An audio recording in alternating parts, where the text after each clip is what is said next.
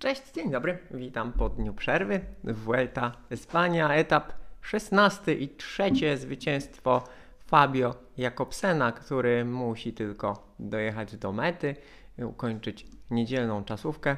No i można śmiało powiedzieć, że y, wygra wtedy y, zieloną koszulkę, klasyfikację punktową. Mm, szansa dla sprinterów będzie jeszcze tylko jedna. Mm, poza tym góry, no i rzeczona czasówka. Ja nazywam się Marek Tyniec i codziennie wieczorem komentuję dla Was najważniejsze wydarzenia na hiszpańskiej Vuelcie. Eee, już mówiliśmy o tym wielkim powrocie, trzeba to powtarzać za każdym razem. To jest wielki powrót, wielki powrót do sportu po straszliwej kontuzji, po otarciu się o śmierć, powrót do tak znakomitej dyspozycji Fabio Jakobsena. To będzie no, jedna z y, najważniejszych historii y, w sporcie w tym roku, mimo, mimo Igrzysk Olimpijskich. Y, i innych wielkich y, imprez i wydarzeń, to jest coś naprawdę wyjątkowego. Oczywiście można mówić, że y, na Vuelcie ta stawka sprinterów nie jest tak znakomita jak na Giro d'Italia czy na Tour de France, ale z drugiej strony to są wszystko świetni, to są wszystko świetni sprinterzy, no i Jakobsen, Jakobsen z nimi wygrywa dzięki e, tak naprawdę bardzo dużej pomocy całej drużyny Deconi Quickstep.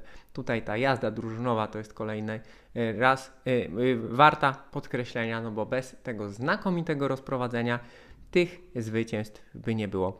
Trzeba jednak powiedzieć, że mm, no, dzisiaj wyzwanie drużynie Quickstepu rzucili zawodnicy zespołu Semiratów, pracując na takich niewielkich podjazdach, które były w końcówce. E, próbując zmęczyć Jakobsena. E, co więcej, w końcówce Matteo Trentin e, próbował faktycznie zaskoczyć swojego rywala. Takim nieco wcześniejszym atakiem nawet zdobył, zdobył kilka metrów przewagi, ale kiedy Jakobsen się zorientował, szybko poprawił, no i linię mety minął z wyraźną przewagą, w zasadzie już nawet nie musząc wyrzucać roweru, był pewny swojego zwycięstwa. E, Trentnowi o tyle sprzyjały warunki, że ostatni kilometr był dość kręty, dość wąski, mimo że fajna, fajna nawierzchnia, fajna droga, to taki troszkę bardziej techniczny ten finish, no i właśnie była okazja do tego, żeby zaskoczyć rywali, a mimo to Quickstep i Jakobsen okazali się najlepsi. W zasadzie mógłbym ten raport dzisiejszy zakończyć, e, ale była jeszcze jedna istotna, było jeszcze jedno istotne wydarzenie na tym etapie.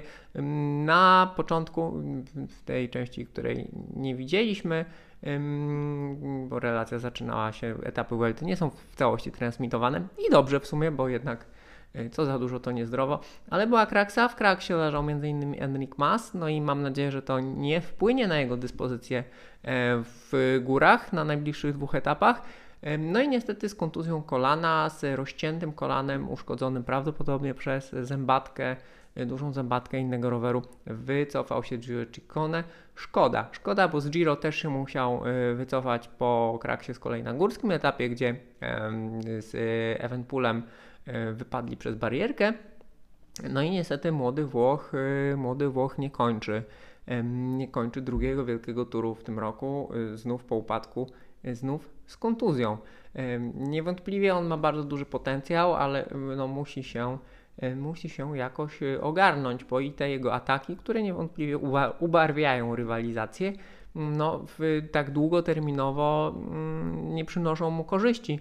No i też druga kraksa i wycofanie się z drugiego wielkiego, wielkiego turu z powodu kraksy, mm, to też jest coś, oczywiście to może być pech, natomiast myślę, że mm, musi Włoch trochę nad y, tymi elementami, nad taktyką i nad jakimś takim Mm, taką rozwagą popracować, no bo szkoda, gdyby jego talent nie mógł się w pełni rozwinąć przez różne dziwne e, przypadki. E, poza tym, i poza tym nie, niezbyt miłym, poza tą niezbyt miłą sytuacją, w zasadzie to by było na tyle. No i myślami wszyscy są już przy dniu jutrzejszym taka rozgrzewka po dniu przerwy.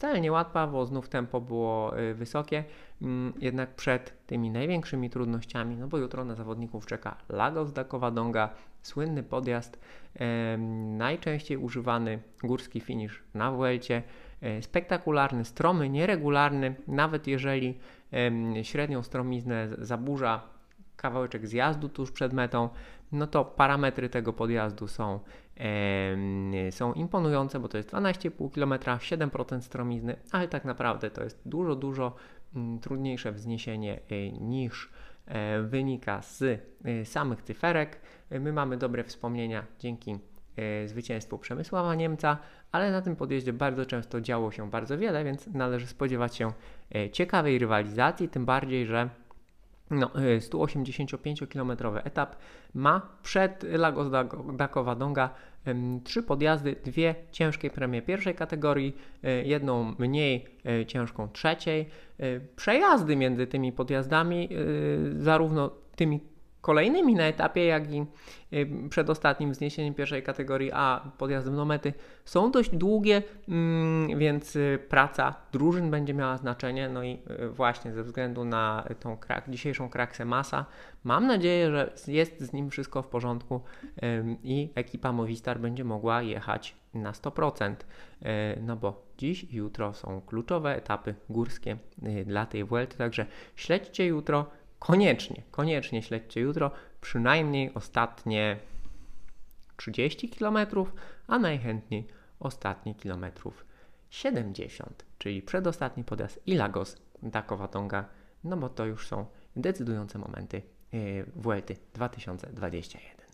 Yy, Tyle ja. Yy, Etap może troszkę bez historii, ale właśnie ta kraksa w pierwszej części była niezmiernie istotna dla tego, co będzie się działo dalej, oby była bez poważnych konsekwencji.